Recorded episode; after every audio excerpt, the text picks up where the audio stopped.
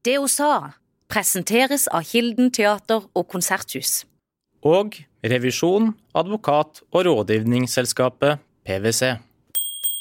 Ehm, Så det er der jeg henter energien min. Når jeg kan sette meg på en stubbe med kaffekoppen og se om det er noen dyr som vil hilse på meg, eller trene, trene et, en hest eller en hund, eller Så der henter jeg energi, og der får jeg også litt tilbakemelding på hvor, eh, hvor, jeg, hvor mye jeg er i vater.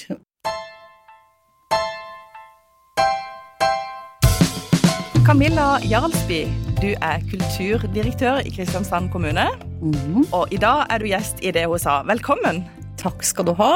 Det har jeg gledet meg til. Det har jeg òg gleda meg til. Og jeg har veldig lyst til å høre om din bakgrunn.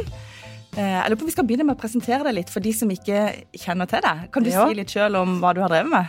For det første så er jeg jo fra Kristiansand. Og det er det kanskje ikke så mange som får med seg i og med at jeg snakker uh, som jeg gjør. Uh, men jeg vokste opp på Vennesla. Så jeg bodde der uh, til jeg var tolv år, og så flyttet vi til Vågsbygd. Og så gjorde jeg ferdig videregående, og så dro jeg til Oslo, og der jobbet jeg stort sett som advokat. Eh, Begynte som jurist i departement, og så begynte jeg i, advokatfirma. Og så gikk jeg til, via en klient til eh, film- og TV-bransjen, og så havnet jeg i Skipsted og jobbet lenge med film og TV der. Eh, og så beveget jeg meg litt videre innenfor Skipsted-konsernet, som jo er stort, og det vet jo dere, som er en del av det, eller var. Eh, og så var jeg i konsernledelsen der i seks år. Først som juridisk direktør, og så som organisasjonsdirektør. Men det er et lite, liksom, et lite sprang derfra og over til kultur. Ja, det er det. Eh, Jeg liker jo å ta noen sånne sprang i livet, da. Eh, og det hang sammen med at jeg var veldig opptatt av at jeg ville drive en gård. Og så var vi lenge på utkikk etter denne gården, og så ble det på Hadeland. Og så var jeg veldig opptatt av at hvis jeg skal bo på Hadeland, så skal jeg jobbe på Hadeland. Sånn at jeg føler at jeg hører til. Og så dukket den stillingen opp som uh, kultursjef på Hadeland i Gran kommune, som også er uh, i et samarbeid med nabokommunen Lunder. Og så fikk jeg den jobben som kultursjef på Hadeland, som er jo den gøyeste jobben jeg noensinne har hatt. og som var et stort sprang fra store Skipsted-konsernet, men utrolig gøy, altså. Så der var jeg i fem år, og så øh, gikk det ikke helt som planlagt. Og så ble det samlivsbrudd og salg av gård, og så tenkte jeg nei, nå må jeg finne på noe ordentlig nytt igjen. Så da tenkte jeg kanskje jeg skal flytte hjem til Kristiansand. Og så tenkte jeg gjør ikke det før jeg får meg en øh, fin jobb. Og så fikk jeg en veldig fin jobb på UiA som øh, personal- og organisasjonsdirektør der.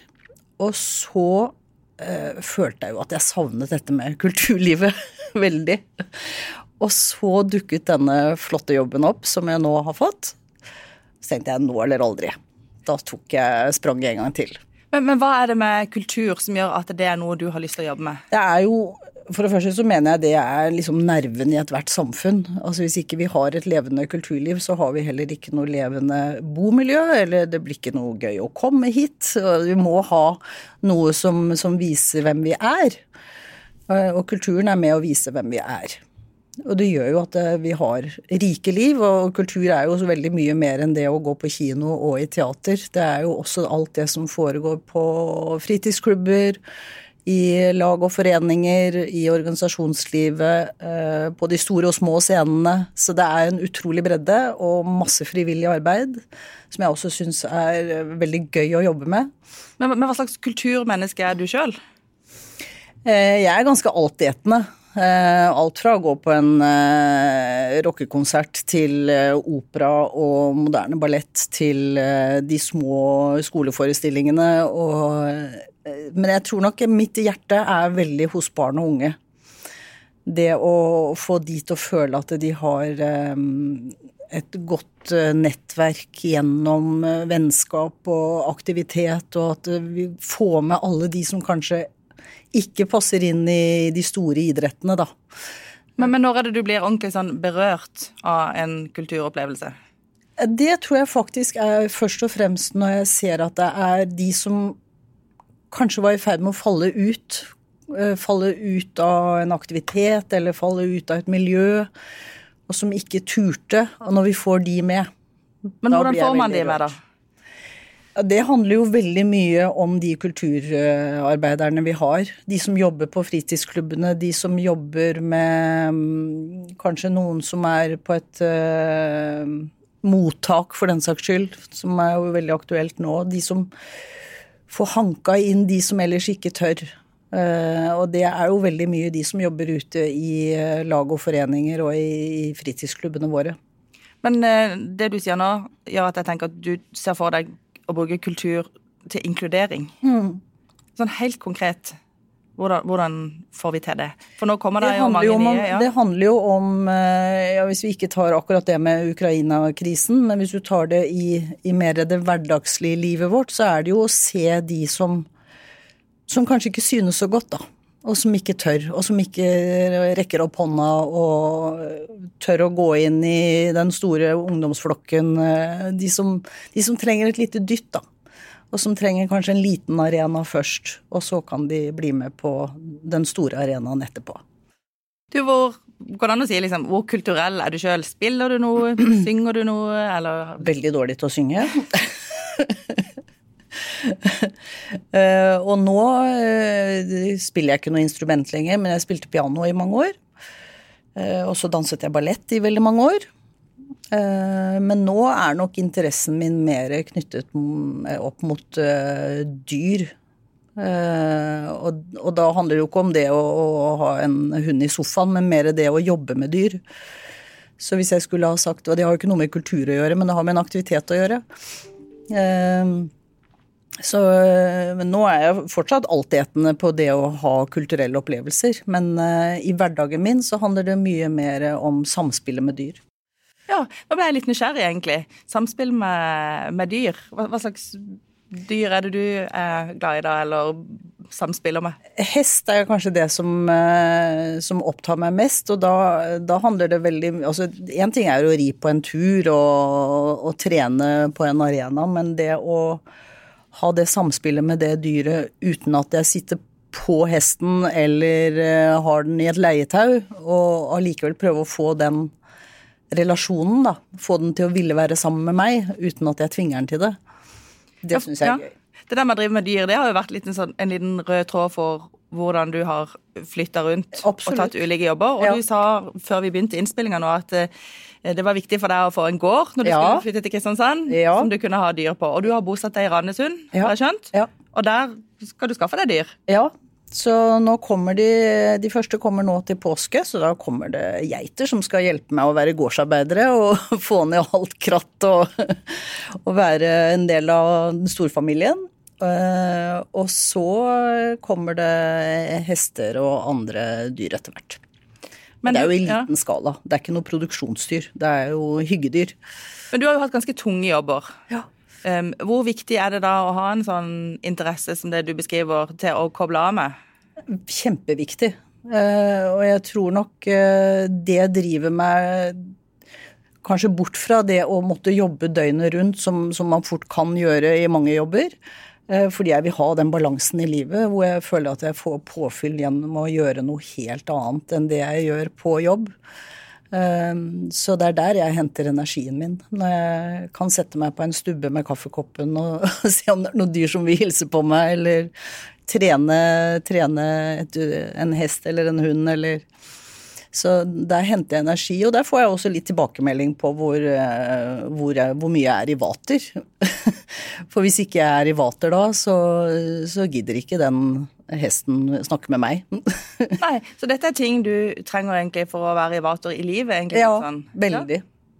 Det er viktig for deg å ha en gård, og det er viktig for deg med dyr. Og så trener du hestene dine på en helt spesiell måte. Ja. Eh, det er jo ikke en sånn veldig spesiell måte, for det er en veldig eh, kjent måte å trene hest på. Men eh, det handler om det som på engelsk heter horsemanship. Og det er ikke så veldig viktig å sette seg opp på hesten eller leie den pent i et leietau. Det handler mer om at du skal ha hesten løs, Og så skal du eh, gjennom ditt kroppsspråk få kontakt med den, få den til å komme til deg, få den til å vende seg, få den til å stoppe. Eh, få den til å legge seg ned, hvis det er det du vil. Altså hva som helst. Um, og jeg tenker det har en sånn overføringsverdi til hvordan vi opptrer i møte med mennesker òg. Altså hva, hva, signaliserer vi med det kroppsspråket vi har? Og hester er veldig tydelige på kroppsspråk. Altså hvis de har en flue på rumpa, så, så merker de det. Og hvis en uh, annen hest kommer bort til flokken og ber den flytte seg, så ser du nesten ikke at det skjer, men den flytter seg. Så, så de er jo veldig sensitive på det med hvordan du plasserer deg i forhold til hesten.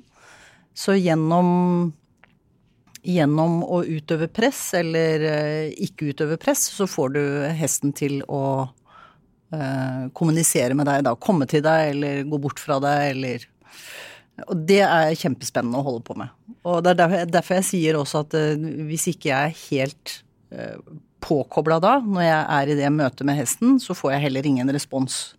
Eller den blir bare frustrert. Eh, hvis jeg er utydelig på hva jeg vil. Men du må bli veldig bevisst på ditt eget kroppsspråk. Ja. Tar du det med deg ut i livet? Ja, det håper jeg jo. at jeg er tydelig. Eh, at jeg signaliserer åpenhet, eller at, eh, ja, at jeg er tydelig i mitt kroppsspråk. Men det å ha gård og drive med dyr, det er et stort ansvar. Er det sånn at du må Må du i stallen hver dag før du går på jobb, da? Eh, ja, hvis ikke jeg skaffer meg hjelp, så må jeg det. Og det er jo noe av gleden med det også, men nå har jeg skaffet meg hjelp. Så, um, så, det gjør jo at jeg er litt friere, for jeg liker jo å drive med andre ting også. Um, så jeg har to, to kvinner som skal begynne å jobbe for meg noen timer per dag. Og så skal du ha flere dyr. Du snakker om at du vil ha esler. ja, det kommer to. Det er de jeg nesten gleder meg mest til, for de er så rare. Det er to mini-esler som kommer, og den ene kommer og er drektig. Så da kommer det et lite mini-eselføll også. Men de er jo like store som hunden min. Det er 80 cm høye, så de er bitte små. Men når man har jobba en del år sånn som du har gjort nå, så blir man jo opptatt av den balansen mellom jobb mm. og fritid. Hvor mm. viktig er fritida for deg? Den er kjempeviktig. Eh, men jobben er også veldig viktig. Altså jeg er helt sikker på at jeg kommer til å jobbe til noen kaster meg ut. Så, så, begge deler er viktig. Men hvis ikke jeg får den der balansen mellom eh, jobb og fritid, så merker jeg det veldig eh, at jeg ikke er fornøyd. Men nå er du ny, forholdsvis ny i jobben som mm. kulturdirektør. Um, hva er det viktigste du jobber med nå. Da, du, du, trenger ikke svare sånn um, ut fra stillingsbeskrivelsen, holdt jeg på å si, men, men, si det du virkelig brenner for, som du syns er skikkelig viktig å jobbe med nå innenfor kultur, og som du, som du setter i gang nå. Det aller viktigste er jo å få deg og meg opp av sofaen. Eh, og få oss til å, å, bryte den vanen som vi har hatt nå i to år, med at vi har sittet isolert. Har opparbeidet oss nye vaner på at eh, det er greit å være hjemme. Eh, og redet vårt blir liksom bygget hjemme mer enn at vi går ut og opplever ting sammen med andre. Så det tenker jeg er det aller viktigste, enten det gjelder på fritidsklubben eller på Kilden eller på en kunstutstilling eller på kinoen. At vi faktisk eh, får både deg og meg og alle til å, huske på hvor utrolig sterke de opplevelsene er sammen med alle de du ikke kjenner. Eh, det å sitte i en kinosal som er full og se en film, hvor deilig det er. Eh, uten å egentlig, Du kan dra der aleine, eller du kan uh, gjøre det sammen med andre, men den opplevelsen må vi liksom minne folk på. Så, mm, og det tror jeg vi alle kjenner på, at den dørstokkmila, den, den ble litt lang. Ja, for vi har fått litt nye vaner nå, det, jeg merker det sjøl, faktisk. Ja. Mm. At jeg har liksom skifta litt fokus. Ja. Eh, men vi, vi, må jo komme tilbake igjen, for som du sier, kultur er viktig. Ja. Eh, og det er en kjempegod opplevelse, som du sier, å sitte mm. i en sal og dele opplevelser med, med andre. Eh, men, men hva, kan vi, hva, kan vi, gjøre da, liksom? Vi, folk må jo få lov å gjøre Det må de, men det er noe med å, å, å, å si, erte folk litt, da. Få de til å bli nysgjerrige på hva som foregår i bybildet, ute i lokalsamfunnet ditt få opp aktiviteten igjen. Og så tror jeg jo faktisk det er sånn at aktiviteten er der, men nå er det vi som eh, ikke benytter oss av tilbudene. Så det gjorde vi jo eh, et lite løft på nå eh, for ikke veldig mange dager siden. Eh, som var under denne fanen Ta kulturlivet tilbake. Eh, hvor vi lanserte Utsolgt. Eh, og det var jo egentlig en sånn ja, nå legger vi ut noen ordentlig billige billetter, og så får du deg et kulturpass, og så kan du få mange gode opplevelser på de fire-fem dagene for en veldig rimelig penge. Og det gjorde nok at det ble en boost. Det ble mange som benyttet seg av kulturtilbudene. Og da håper vi å vende på den vanen igjen, da. Eh, gjennom å komme med sånne, eh, kall det stunt innimellom. Ja, Er det noe du eh, tenker at du vil iverksette og jobbe for? Så det å ta kulturlivet tilbake blir noe vi skal jobbe med fremover. Men akkurat den kampanjen dere hadde der, må jeg innrømme at jeg misforsto litt. For jeg, jeg, var inne på kommunens hjemmeside, og så så jeg det. Så så det sto utsolgt, og så gikk jeg rett ut igjen. Så tenkte jeg ja, men da har det sikkert gått veldig bra. Men eh, bomma dere litt med navnet der, eller? det kan godt være. Må prøve å feile litt. For det var ikke utsolgt? Nei, det Nei. skulle bli utsolgt. Ja. Du, hvis du skal velge helt fritt hva du kan gå på av opplevelser Hvis du kunne valgt altså, konsert, teater, hva, hva ville du gått og, og sett da? Konsert står jo høyt. Utekonsert. Masse mennesker type palmesus, eller er du litt mer på det Nei, klassiske? Nei, palmesus har ikke jeg vært på, men jeg var eh, mye på Kvarten i sin tid. Uh, nei, nå går jeg mer på sånne enkeltkonserter. Jeg hadde tenkt å spørre deg om det med Kvarten, faktisk. For, for mm. du, du, var på det? Ja, det var jeg på hvert år. Ja, hvilke konserter husker du best derfra, da? Uh, det tror jeg er Coldplay. Ja. Og um, Rammstein. Ja, Liker du det? Nei, men jeg ble så overrasket altså, av hele konseptet til Ramstein, så jeg, jeg, følte liksom at det var wow, for en opplevelse. ja, jeg husker Bowie, jeg lurer på om det var samme, ja. samme året. Ja. Møt Hedda Gabler, Rebekka West og flere av Ibsens sterke kvinner under Ibsens fest i Hildens siste uken i april. Se programmet på hilden.com det er noen som mener at kulturlivet i Kristiansand eh, skiller seg litt ut. At det å være kulturelt interessert på en måte regnes mer for å være en sånn eliteting her på Sørlandet enn andre steder. Hva, hva, tenker du om det? Det er jo sånn man hører overalt, egentlig. Og som ikke er sant.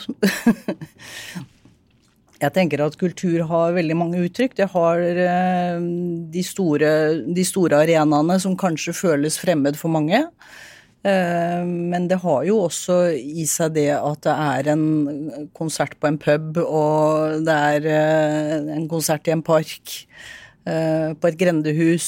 Men altså- diskusjonen blir jo fort sånn at noen iallfall sier at ja, men dette, dette er ikke for oss. Det er liksom for, for, noen andre. Og pengene må gå til De må heller gå til idrett og liksom for, til vanlige folk enn til liksom en mm. smal elite. Hva, Blir du provosert når du hører Nei, jeg blir ikke provosert av det. Da tenker jeg at da må vi bare jobbe med det, da. Og vise at det har eh, en veldig stor eh, bredde.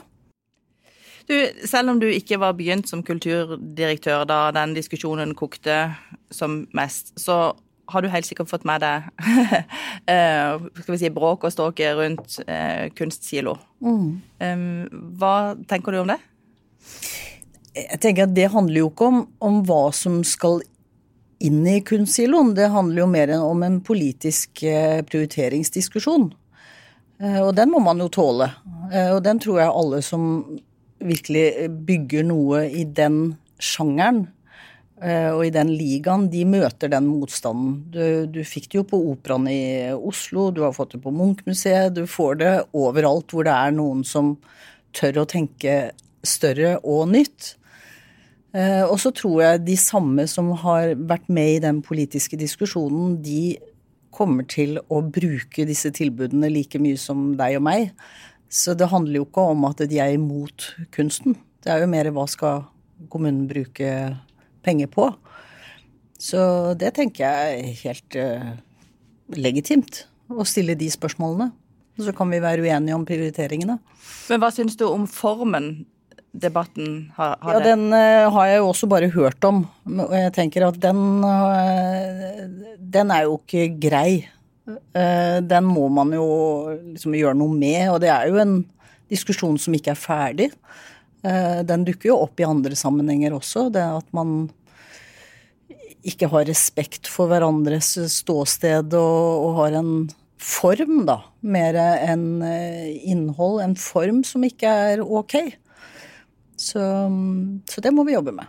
Ja, og den formen kan jo gjøre at en en del mennesker ikke går inn i debatten. Ja. Og det kan jo være mennesker som kanskje har gode ting å, å, å tilføre, egentlig. Hvordan kan vi få Det er jo veldig farlig for demokratiet vårt, rett og slett. At vi ikke Hvis det blir sånn at folk kvier seg for å delta i debatten, eh, så er jo demokratiet utsatt.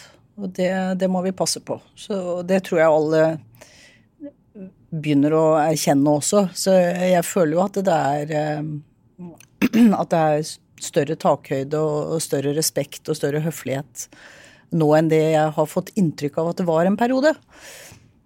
Men tror du det vil hindre deg å gå inn og delta i debatten? Altså, vil, vil, du være redd for Nei. personangrep, f.eks.? Nei. Det har kanskje med en sånn eh, indre trygghet å gjøre, men jeg, jeg tenker at det står jeg greit i. Men jeg kommer også til å si fra hvis jeg mener at noen går for langt. Du, gjennom din karriere, du har jo vært innom en kulturstilling tidligere. Mm. Eh, og jeg har skjønt at du har jo en del erfaring i å stå i vanskelige saker. Ja. hva, hva lærer det deg? Hva er viktigste kunnskapen du har tatt med deg sånn fra jobb til jobb? Jeg tror det der å sette seg ned med en kaffekopp uh, ofte hjelper. Og møtes ikke på den store arenaen, men på den lille arenaen. Hvis, hvis jeg merker at det er noen som stadig er på for å ta meg eller andre, så får man jo sette seg ned, da. Så hva er det egentlig som er problemet her? Du, Hvor tilgjengelig vil du være som kulturdirektør i Kristiansand? Veldig tilgjengelig. Eh, og jeg prøver virkelig å, å, si ja til alt jeg blir invitert til. Og så er det ikke alltid det passer hvis det kommer på, på kvelder og helg, som dessverre er jo ofte da kulturen skjer. Men eh, jeg prøver virkelig å, å si ja til mest mulig, og så ønsker jeg å være mye ute blant alle de som jobber innenfor kulturfeltet, enten det er i kommunen eller utenfor. Har du noen sånn strategi nå for å gå rundt og bli litt kjent? Ja, så det har jeg brukt uh, masse tid på før jeg begynte i jobben. Å liksom planlegge uh, en sånn uh, besøksrunde, bare for å få full oversikt over hva er det som foregår, og hvor er det folk kanskje har noen utfordringer som vi må løse sammen. Og, så jeg har brukt disse månedene på å være mye rundt, og så har jeg sagt at det skal jeg fortsette med iallfall ut året. Og så blir det kanskje ikke like hyppig etter det, for da har jeg kanskje etablert det kontaktnettet jeg trenger. For det trenger jeg jo virkelig i den jobben. Så jeg er veldig lite på pulten. du er lite på pulten, men du er litt på, på huset allikevel. Ja da. Eh, og hva slags type leder er du? Eh, jeg er nok en leder som, eh, som vil at folk skal ta ansvar eh, og ta beslutninger. Og at de skal komme inn i døra mi og si 'vet du hva, nå syns jeg du er på ville veier'. At de tør å komme og si at 'nei, vet du hva, her må vi gjøre noe annet'. Det du foreslo der, det var bare tull. har du opplevd det noen gang, at noen har sagt det? Nei, men jeg kan nok oppleve at jeg kanskje vil mer enn det vi har kapasitet til. Eh, jeg har ikke opplevd det så langt eh, i denne jobben, men eh, det er jo det man alltid må passe på som leder, at man ikke vil mer enn det vi greier å, å absorbere. Leser du? Ja, går litt sånn i rykk og napp. Jeg er nok veldig sånn når jeg først leser, så, så liker jeg typisk å lese Hoems alle de fem bøkene om, om de som utvandret, eller eller Min kamp. Da leste jeg liksom alle, alle seks bøkene på ganske kort tid. Og så kan det gå lang tid før jeg liksom tar frem noe nytt. Men jeg, jeg blir veldig sånn inne i et univers. Uh, og der liker jeg å være en stund, så da blir jeg bare glad for at det er flere bøker. Ja, jeg kjenner igjen det. Og så er det nesten som en sånn sorgprosess når man er ferdig. Ja. Det er sånn tomhet. Ja. Og da er jeg nesten litt sånn sur at jeg har ikke lyst til å begynne på noe annet, for jeg syns ja. ikke det andre er så bra. Men så kommer han inn i noe, og så blir en oppslukt av det. Altså, da ga jeg over til Nemi og lunsj og pondus og sånn en periode, og så finner jeg en ny, ny sånn sekspins. Og musikken, da? Hva var det siste du, hva var det siste du streama? Det var vel Coldplay, tror jeg. Litt sånn rolig, deilig musikk. Ja, og så kan du få litt sånn flashback og litt sånn gode minner fra da du hørte det på, ja. på konsert. Du har ett spørsmål til som går på det med situasjonen for kulturlivet akkurat nå. Um, for det har jo vært steintøft for mange arrangører nå. Mm. Um, og du er litt rundt og snakker med folk og skal bli litt kjent. Um, hva, hva, sier du til dem nå for at de liksom skal holde motet oppe, for at de skal få troa tilbake på at det nytter å drive med kultur? Ja, for det første så er det jo viktig at vi greier å opprettholde alle de tilskuddsordningene, all den faglige kompetansen som vi kan understøtte dem med. Uh, og at vi kan være gode rådgivere for dem når de trenger det. For det er jo ikke alle som er kommet like langt eller har ressurser til å gjøre alt selv. Så jeg tenker det er det viktigste, at vi som kommune kan understøtte det de ønsker å få til. Og det mener jeg at vi kan få til. Men er de fortvila når du treffer dem? Nei, men det er mange som er slitne. Eh, og som har hatt veldig dårlig økonomi i lang tid. Så, og de strever liksom å få hverdagen til å gå i hop. Eh, og ha mm, energi da, til å, å, ta fatt igjen. Kommer vi der igjen, tror du, at det kommer til å blomstre i kulturlivet? Ja? ja, det gjør vi. Men jeg tror det tar tid. Og derfor så er det viktig at vi gjør noen sånne løft innimellom. Så vi liksom får pushet både de som skaper, og vi som skal se og høre. Du spurte deg i stad hva du streamer sist, og så spurte jeg hva du leser. Og nå har jeg lyst til å spørre om hva du har på veggen. Eh, der har jeg eh, Hva skal vi si? Jeg har eh, det, ikke, det, har ikke så mye med hvilken kunstner det har, men hva slags type kunst. Så jeg, jeg er nok mer på skulptur enn bilder.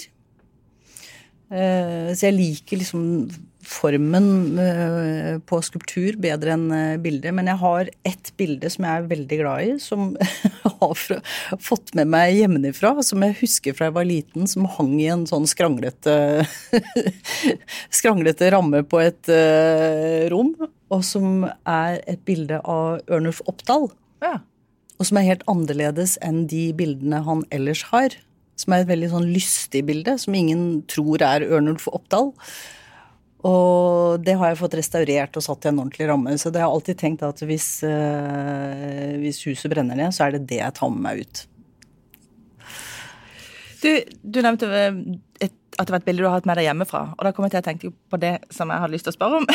Eh, du kommer jo fra Vennesla, eh, og du hadde en far som var, var en bedriftsleder eller fabrikksjef? Ja, var, eh, ja, på Hunsfoss fabrikker. Ja, og du har en bror som er aktiv med mange styreverv. Nikolai mm, Tre brødre. Tre brødre. Ja. ja. Men hva er det med deres oppvekst som gjør at dere har valgt å søke sånne utfordrende jobber? Jeg tror det er en sånn trygghet vi har med oss eh, hjemmefra. Jeg tenker sånn for meg selv, da, som var yngst i flokken og jente, det var liksom aldri noe spørsmål om at ikke jeg skulle på universitet og ut og få meg en eh, skikkelig jobb. Så eh, det var nok en sånn Det var ikke noe sånn forventning, men det var en sånn trygghet på at dette får du til. Men du må jo ha hatt en sånn drivkraft i deg som har gjort at du har søkt stadig nye utfordringer? Ja, men også en trygghet på at jeg tenker at det får jeg til. Eh, at ikke det er noe sånn Nei, det må, den kan du ikke søke på. nei, men Det å være forretningsadvokat, for eksempel, det forbinder jeg med litt ja. sånn eh, maskulint og ganske sånn tøft eh, Ja, og det var jo veldig maskulint. Eh, altså, jeg gikk jo inn i advokatbransjen i eh, 89. Eh, da var vi fem jenter. Og 40 mannfolk. og vi holder sammen fortsatt. Men Hva har det gjort med, mest, gjort med det at du mestrer det?